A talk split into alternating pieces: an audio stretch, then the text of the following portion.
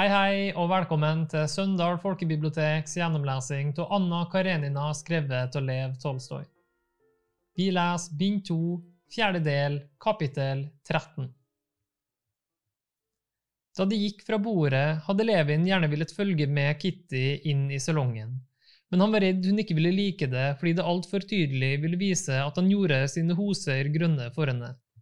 Han ble igjen i kretsen av herrer og tok del i den alminnelige konversasjonen og uten at han så Kitty, følte han hennes bevegelser, hennes blikk og det sted hvor hun befant seg i salongen. Alt nå oppfylte han uten ringeste vanskelighet det løftet han hadde gitt henne. Alltid å tenke vel om alle mennesker, og alltid elske alle. Samtalen kom inn på bondekommunen, hvor Pestsjov så et eller annet spesielt prinsipp, noe han kalte korprinsippet. Levin var uenig både med Pestsjov og med broren, som på sin egen måte greide både å anerkjenne og ikke anerkjenne den russiske bondekommunens betydning. Men han snakket med og forsøkte bare å forlike og mildne deres argumenter. Han interesserte seg ikke det minste for det han selv sa, og enda mindre for det de andre sa. Han ønsket bare én ting, at de alle sammen skulle føle seg vel tilfredse. Han visste nå at ett var viktig og dette ene hadde først vært der inne i stuen, og så var det begynt å bevege seg og var stanset ved døren. Uten å se seg om følte han et blikk rettet på seg og et smil, og kunne ikke la være å snu seg. Hun sto i døråpningen sammen med Tsjetsjerbatskij og så på ham. Jeg trodde de var på vei til pianoet, sa han og kom bort til henne. Ja, det er det jeg savner på landet, musikk. Nei, vi er bare kommet for å hente dem, og takk, sa hun og belønnet ham med et smil, rent som en gave, for at de kom. Hva moro er det å diskutere? Ingen greier jo noen gang å overbevise en annen. Nei, det er sant, sa Levin. Som regel diskuterer man så fyllende fyker bare fordi man ikke kan begripe hva det egentlig er motparten vil bevise. Levin hadde ofte diskusjoner mellom de aller lyseste hoder lagt merke til at efter veldige anstrengelser efter veldige mengder av logiske spissfindigheter og ord kom de diskuterende endelig fram til at det de så lenge hadde strevet med å bevise for hverandre, det hadde hele tiden, like fra diskusjonens begynnelse, vært kjent for dem, men de hadde hver sine kjepphester og ville ikke nevne det de likte, så de skulle slippe å bli motsagt. Han hadde ofte erfart at somme tider forstår man midt under diskusjonen hva det er motparten stør pris på, og så blir man plutselig glad i det samme og sier seg straks enig, og da faller alle argumenter bort som unødvendige. Somme tider hadde han også erfart det motsatte. Man kommer til slutt frem med det man selv verdsetter, og for hvis skyld man har pønset ut argumentene, og hvis så skjer at man kommer frem med det på en god og oppriktig måte, erklærer motparten seg straks enig og slutter å diskutere. Han hadde jo villet si akkurat det samme. Hun rynket pannen og forsøkte å forstå, men så snart han begynte å forklare, forsto hun. Jeg forstår. Man må vite hvorfor motparten diskuterer, hva han setter høyt. Da kan man… Hun hadde gjettet seg til hans dårlige uttrykte tanke fullt ut, og greid å uttrykke den. Levin smilte glad. Så slående virket denne overgangen fra den innviklede og ordrike diskusjonen med Pestsjov og broren til den lakoniske og klare, nesten ordløse meddelelsen av høyst innviklede tanker på ham. Tsjesjebatskij gikk sin vei, og Kitty kom bort til det ferdige oppsatte kortbordet, satte seg, grep krittet og begynte å tegne rundinger i alle retninger på det nye, grønne kledet. De tok opp igjen samtalen fra middagsbordet, om kvinnenes frihet og gjøremål. Levin var enig i det Darja Aleksandrovna hadde sagt, nemlig at en kvinne som ikke giftet seg, ville finne seg en kvinnes oppgave innen familien. Han begrunnet dette med at ingen familie ville kunne greie seg uten kvinnehjelp at i hver familie, rik eller fattig, måtte det være barnepiker av familiens egne folk eller leide. Nei, sa Kitty og rødmet, men så bare desto modigere på ham med sine sanddrue øyne. En pike kan være slik stillet at hun ikke kan tre inn i familien uten å fornedres, men selv… Av antydningen forsto han henne. Jo, ja, sa han. Ja, ja, ja. De har rett, de har rett og han forsto alt Pestsjov ved middagsbordet hadde forsøkt å bevise angående kvinnenes frihet. bare fordi han hadde sett redselen for å bli gammel jomfru bli fornedret i Kittys hjerte, og fordi han elsket henne, følte han denne redselen og fornedrelsen selv og tok straks avstand fra sine argumenter. Det ble stille. Hun satt hele tiden og tegnet sirkler med kritt på bordet. Øynene hennes skinte med en stille glans. Han bøyet seg inn under hennes stemning og følte i hele sitt vesen en lykke som sprengte stadig sterkere på. Uff, nå har jeg tegnet ut hele bordet, sa hun, la bort krittet og gjorde en bevegelse som om hun ville reise seg. Hvordan kan jeg være alene, uten henne, tenkte han, fylt av gru, og tok krittet. Vent, sa han og satte seg til bordet, det er én ting jeg villet spørre dem om. Han så henne rett inn i de ømme, men også forskremte øynene. Vær så god, bare spør. Se her, sa han og skrev disse forbokstavene. D, D, S, M, D, K, I, S, B, D, A, E, D, G. Disse bokstavene betydde, da de svarte meg, det kan ikke skje, betydde det aldri eller den gang det var ingen sannsynlighet for at hun ville kunne forstå denne innviklede perioden, men han så på henne med et slikt ansikt at man skulle tro livet hans avhang av at hun forsto disse ordene. Hun så alvorlig på ham, så støttet hun den rynkede pannen i hånden og begynte å lese. Fra tid til annen så hun opp på ham med et spørrende blikk. Er det det jeg tror? Jeg har forstått det, sa hun og rødmet. Hva er dette for et ord, sa han og pekte på A, som sto for aldri. Det ordet betyr aldri, sa hun. Men det er ikke sant. Han skyndte seg å viske ut det han hadde skrevet, rakte henne krittet og reiste seg. Hun skrev D, G, K, J, I, S, A. Dolly kom helt over sorgen etter samtalen med Aleksej Alsundrovitsj da hun fikk se disse to skikkelsene. Kitty med krittet i hånden som så opp på Levin med et engstelig og lykkelig smil, og hans vakre figur bøyet over bordet og med de brennende øynene rettet snart på bordet, snart på henne. Plutselig strålte han opp, han hadde forstått det.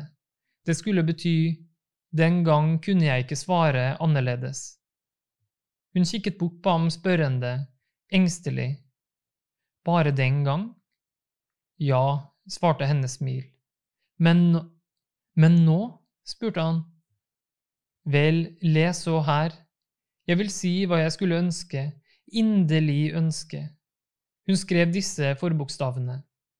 A, D, K, G, O, T, D, S, E, S. Det skulle bety at de kunne glemme og tilgi det som er skjedd. Han grep krittet med anspente, skjelvende fingre det brakk for ham, men han skrev forbokstavene til dette. Jeg har intet å glemme eller tilgi, jeg har ikke sluttet å elske dem. Hun så på ham med et smil som ikke vek fra ansiktet hennes. Jeg har forstått det, sa hun hviskende. Han satte seg og skrev en lang setning. Hun forsto alt, og uten å spørre ham er det riktig, tok hun krittet og svarte med en gang. Det gikk en lang stund før han forsto hva det var hun hadde skrevet, og han så henne ofte inn i øynene. Han var omtåket av lykke. Det var ikke mulig for ham å finne de ordene hun hadde tenkt på, men av de strålende, lykkelige øynene hennes forsto han alt han behøvet å vite. Og så skrev han tre bokstaver, men han var ennå ikke ferdig med å skrive før hun kikket bakom hånden hans og leste, for så å fullføre det han hadde påbegynt, og skrive svaret ja. Dere spiller sekretær, sa den gamle fyrsten og kom bort til dem. Men nå må vi forresten dra om du vil komme tidsnok i teatret. Levin reiste seg og fulgte Kitty til døren. I samtalen deres var alt blitt sagt. Det var blitt sagt at hun elsket ham, og at hun ville fortelle det til faren og moren, og at han skulle komme morgenen efter.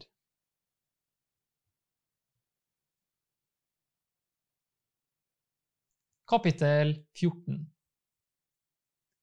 da Kitty var reist og Levin ble alene igjen, følte han en slik uro fordi hun ikke var der, og et så utålmodig ønske om å nå frem til neste morgen så fort, så fort som bare mulig, så han kunne få se henne igjen og for alltid forenes med henne, at han var dødsens redd for disse 14 timene uten henne som nå lå foran ham. Han måtte finne noen å være sammen med og snakke med, så tiden kunne gå. Stepan Arkadic ville nok være den hyggeligste å snakke med, men han var, det hadde han sagt i alle fall, reist i et selskap. I virkeligheten var han dratt til balletten. Levin hadde bare rukket å fortelle ham at han var lykkelig, at han var glad i ham, og at han aldri, aldri ville glemme hva han hadde gjort for ham.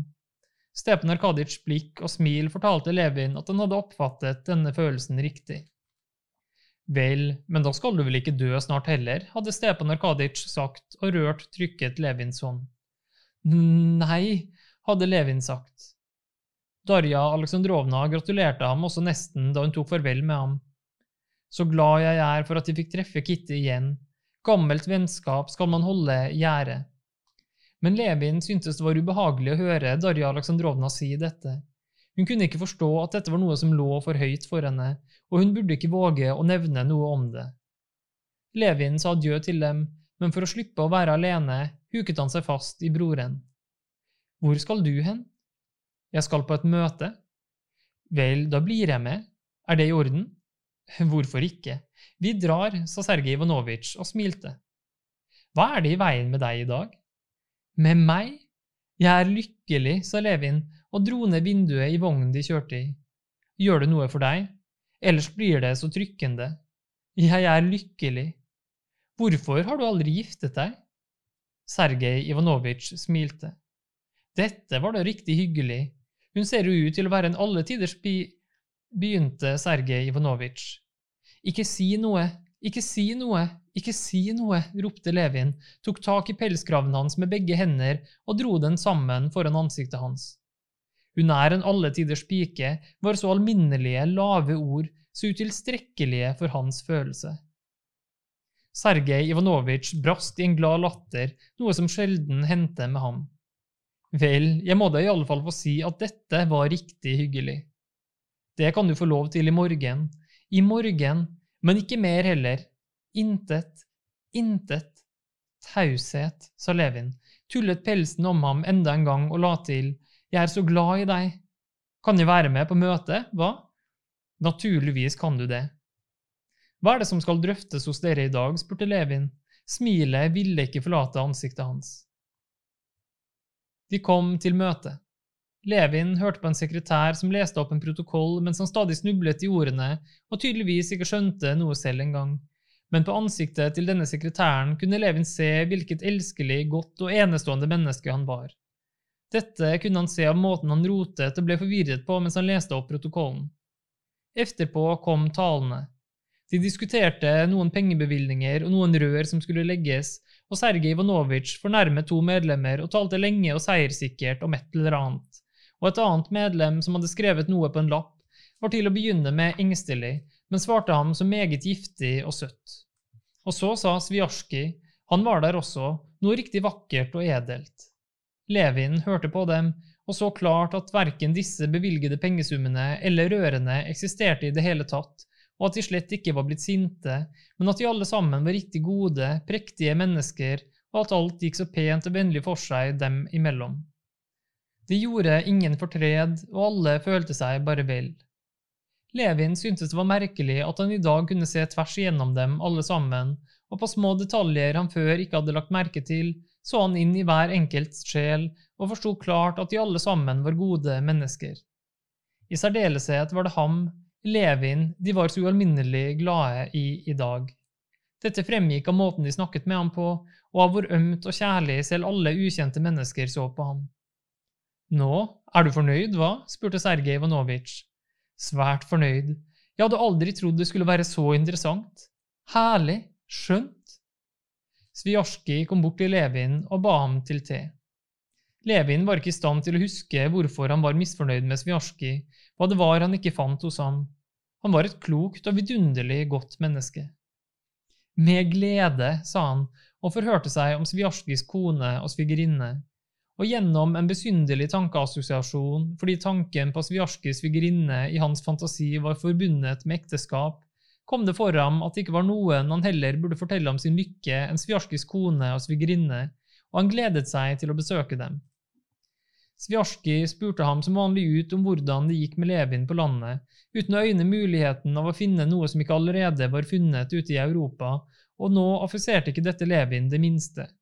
Han følte tvert imot at Sviarski hadde rett, at det hele var en liten fillesak, og han så hvor skånsomt og ømt Sviarski unngikk å si bent frem at han hadde rett. Sviarskis damer var særdeles elskelige. For Levin så det ut som om de allerede visste alt og følte med i hans lykke, men at de ikke sa noe av fintfølelse. Han ble sittende hos dem både én og to og tre timer og snakket om forskjellige ting, men han underforsto hele tiden det som fylte sjelen hans, og merket ikke at han kjedet dem fryktelig, og at det var langt over sengetid for dem alt. Svjorski fulgte ham ut i entreen mens han gjespende undret seg over den besynderlige tilstanden vennen hans var i. Klokken var over ett. Levin kom tilbake til hotellet sitt og ble ferden med tanke på hvordan han nå alene med sin utålmodighet skulle komme gjennom de ti timene som ennå sto igjen. Vakthavende tjener var våken og tente lys for ham, men ville så gå. Levin stanset ham. Denne tjeneren, Jegor, som Levin ikke hadde lagt merke til før, viste seg å være et meget forstandig, utmerket og fremfor alt godt menneske. Er det vanskelig å la være å sove, Jegor? Og en får jo finne seg i det. Arbeidet er nå slik. I private hus har en det nok roligere, men til gjengjeld tjener en jo mer her. Det viser seg at Jegor hadde familie. Tre gutter og en datter som var sydame, og som han gjerne ville ha gift med formannen i en salmakerforretning. I denne anledning fortalte Levin Jegor sin tanke at kjærligheten var det viktigste i ekteskapet, og at med kjærlighet blir man lykkelig, for da har man lykken inne i seg selv bare. Jegor hørte oppmerksomt på ham hele tiden og oppfattet øyensynlig Levins tanke fullt ut, men som en bekreftelse på den bemerket han til Levins forbauselse at når han hadde gode herskaper, var han bestandig fornøyd med herskapene sine, og nå var han også vel tilfreds med arbeidsgiveren sin, enda han var en franskmann. Et forunderlig godt menneske, tenkte Levin. Nå vel, Jegor, men da du giftet deg, var du glad i konen din da? Naturligvis, svarte Jegor.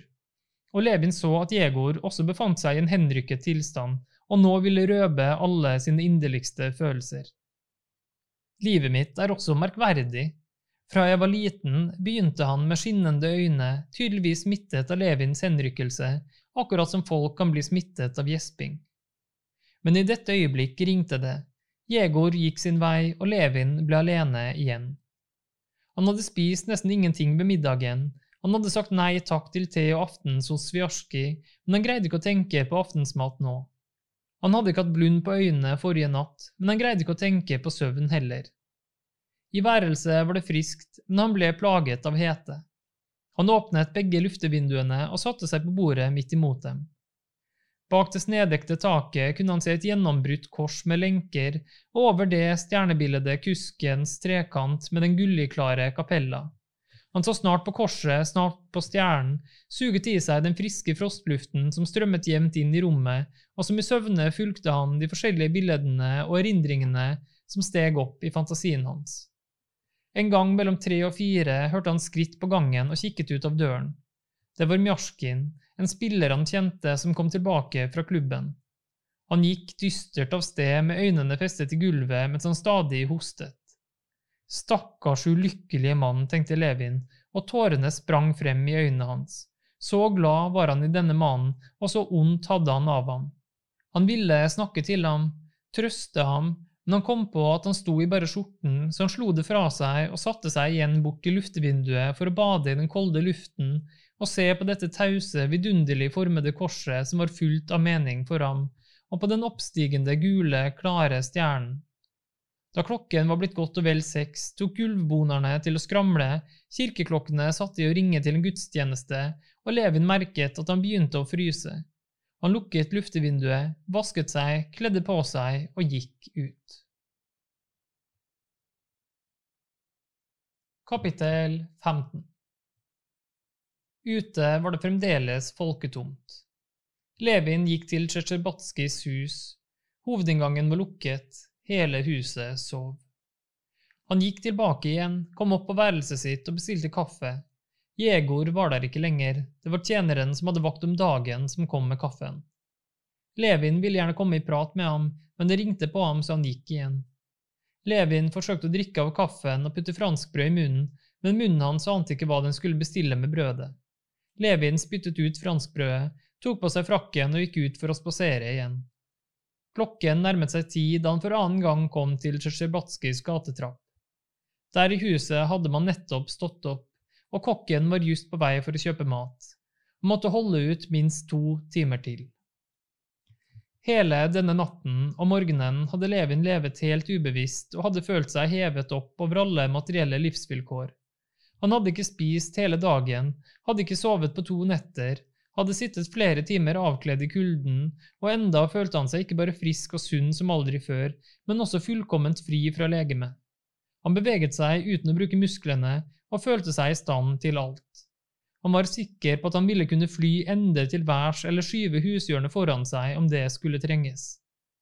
Resten av tiden spaserte han om i gatene mens han ustanselig kikket på klokken og så seg omkring. Og det han den gang så, det skulle han aldri mer få se. Særlig virket barna på vei til skolen, de blågrå duene som fløy fra takene og ned på fortauet, og de melete rundstykkene som en usynlig hånd hadde stillet ut, sterkt på ham. Disse rundstykkene, duene og to gutter var overjordiske vesener. Alt dette skjedde på én gang. En av guttene løp bort til en due og skottet smilende opp på Levin. Duen slo med vingene og flakset bort mens den glitret i sollyset mellom alle snøfnuggene som skalv i luften, og ut av vinduet hvor rundstykkene var utstilt, strømmet duften av nybakt brød. Alt sammen var så over all måte godt at Levin både lo og gråt av glede.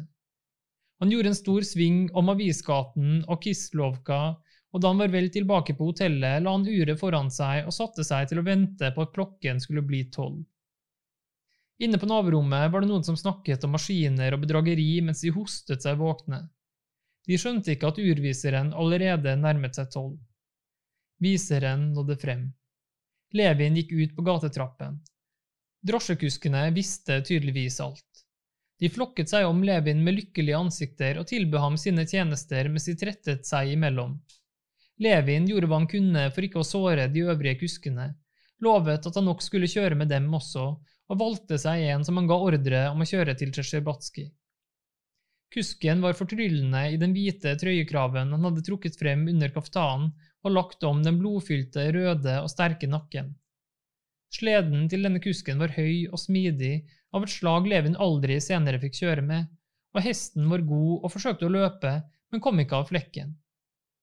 Kusken kjente Tsjesjebatskijs hus, og etter å ha løftet armene på en måte som viste hans særlige ærbødighet for passasjeren, sa han pro og satte ham av ved inngangen.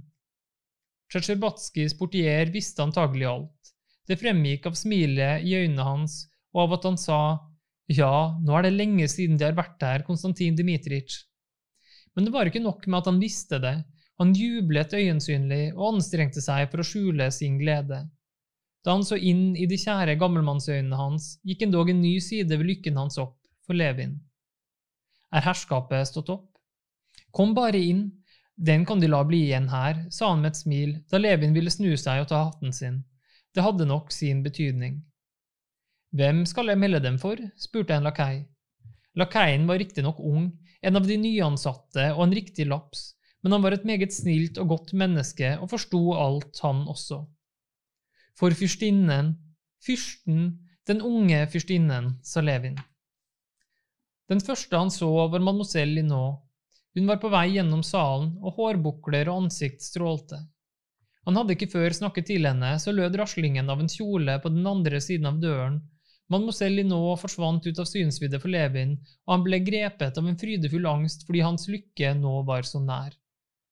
Mademoiselle Linot skyndte seg å la ham alene og gikk bort til den andre døren.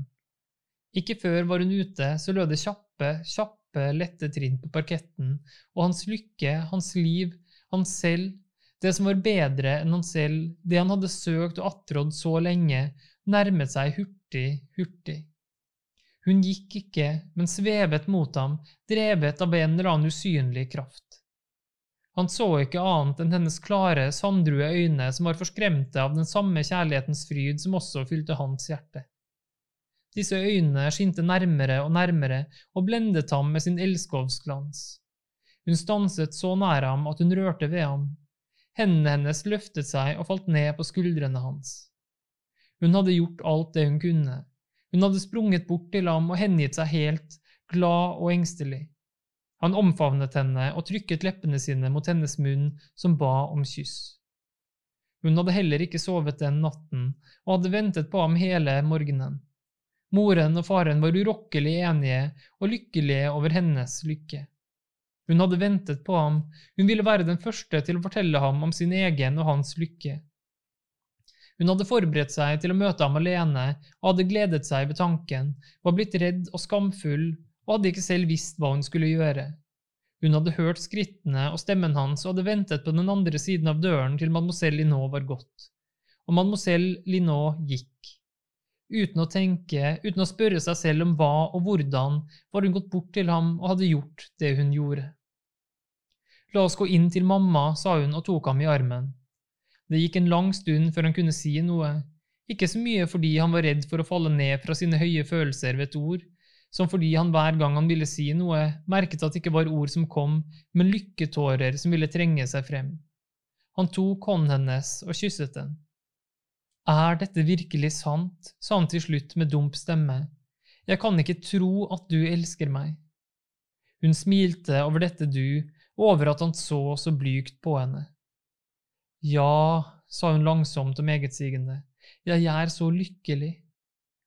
Uten å slippe armen hans gikk hun inn i salongen. Fyrstinnen fikk se dem, pusten begynte å gå på henne, og straks både brast hun i latter og i gråt og løp med langt mer energiske skritt enn Levin hadde ventet bort til dem, omfavnet Levins hode, kysset ham og vætet kinnene hans med tårene sine. Så er alt avgjort. Jeg er glad, Vær glad i henne. Jeg er så glad. Kitty. Det ordnet dere fort, sa den gamle fyrsten og forsøkte å være likegyldig, men Levin la merke til at øynene hans var fuktige da han sa dette. Dette har jeg ønsket lenge, ja, bestandig, sa han, grep Levin i hånden og trakk ham bort til seg. Alt den gang da den lettsindige jentungen fant på. Pappa, skrek Kitty og la hendene sine for munnen hans. Nei vel, jeg skal ikke si mer, sa han. Jeg er meget, meget gl... Uff, så dum jeg er. Han omfavnet Kitty, kysset henne i ansiktet, på hånden, så i ansiktet igjen og slo korsets tegn over henne. Og Levin ble også grepet av en ny følelse av kjærlighet til denne mannen som før hadde vært en fremmed for ham, den gamle fyrsten, da han så hvor lenge og ømt Kitty kysset den kjøttfulle hånden hans.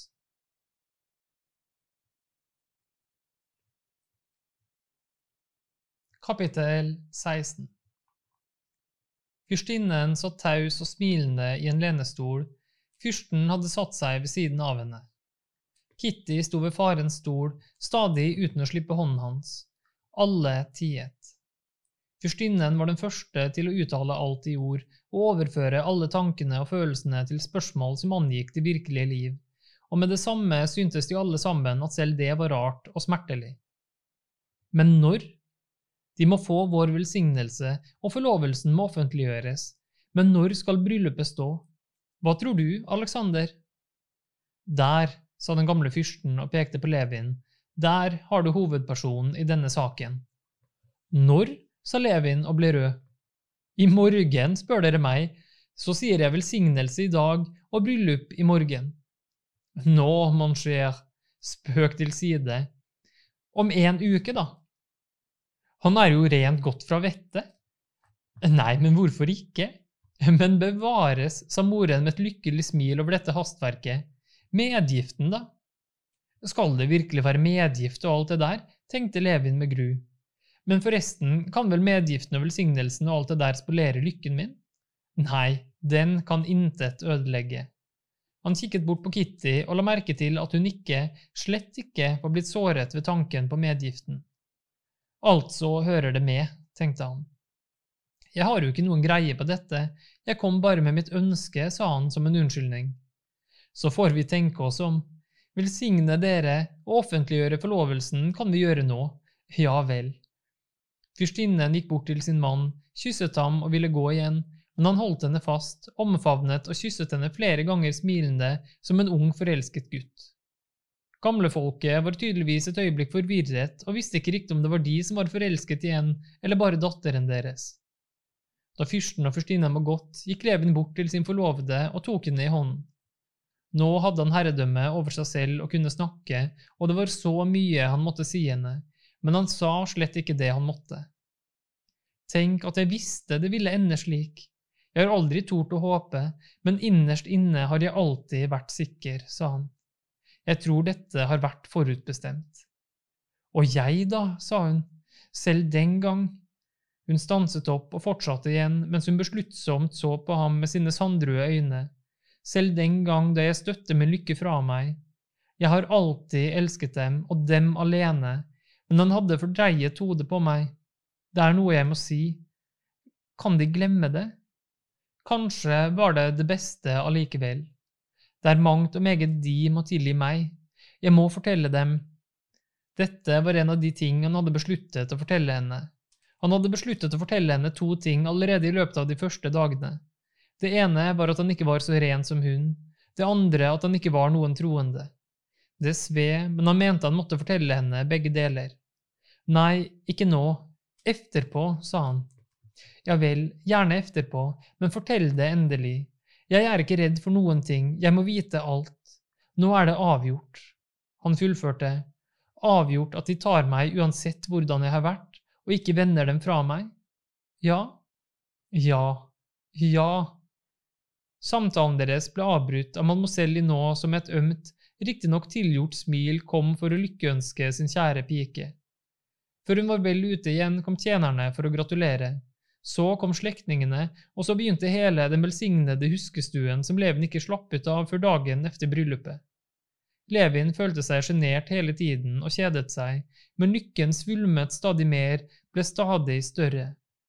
Han hadde trodd at hans forlovelsestid ikke skulle ligne det minste på andres, og at de forhold som vanligvis fulgte med forlovelsestiden, bare ville ødelegge hans spesielle lykke. Enden ble allikevel at han gjorde akkurat som alle andre, men derved ble lykken hans bare stadig større og stadig mer spesiell, så ganske ulik alt som hadde vært, og alt som var. Nå vil vi ha konfekt, sa mademoiselle nå, og Levin av sted efter konfekt. Så, det gleder meg virkelig, sa Sviarski. Jeg råder dem til å kjøpe blomster hos Fomin. Blomster, behøves det, og han av sted til Fomin. Broren sa ham at han måtte låne penger, for han kom til å få mange utlegg, gavene. Må jeg gi gaver, og så i full fart til Fulde. Både hos konditoren, Fomin og Fulde så han at han var ventet, at de gledet seg med ham og feiret hans lykke på samme måte som alle de andre han hadde hatt med å gjøre i disse dagene. Men uvant var det at alle sammen ikke bare holdt av ham, men at også alle som før hadde vært usympatisk stemt, kjølige eller likegyldige, nå var begeistret for ham, føyet ham i alt, rørte ved hans følelse med ømhet og fintfølelse, og delte hans overbevisning om at han var verdens lykkeligste menneske fordi hans forlovede var mer enn fullkommen.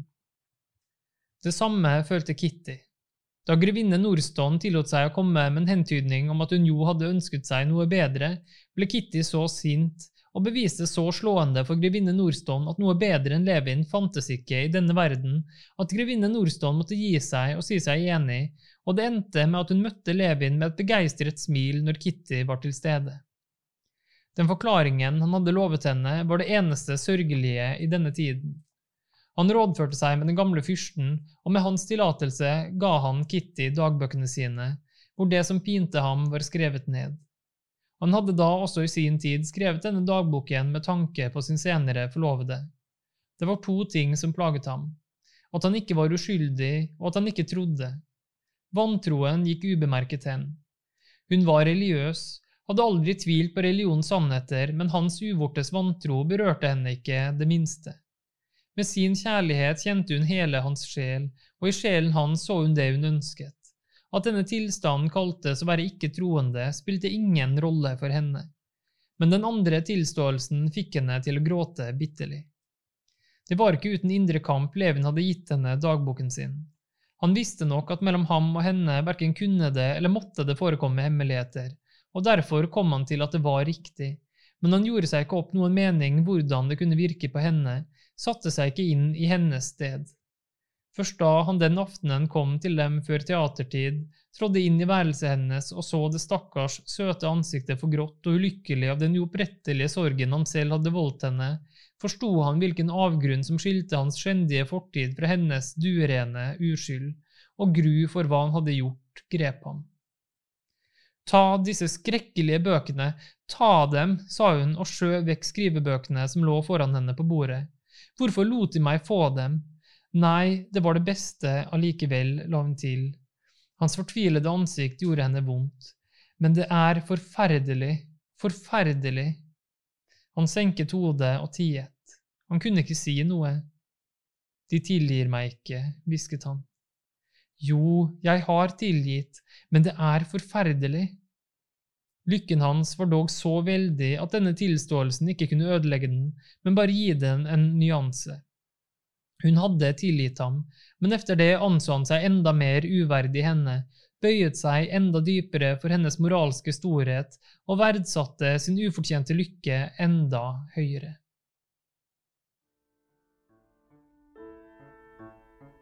Takk for oppmerksomheten. Oppleser var Torgeir Brun. Podkasten er produsert av Sunndal folkebibliotek ved Torgeir Brun. Det prosjektet her er støtta av Nasjonalbiblioteket og takk til Gyllendal Norsk Forlag for bruk av deres oversettelse.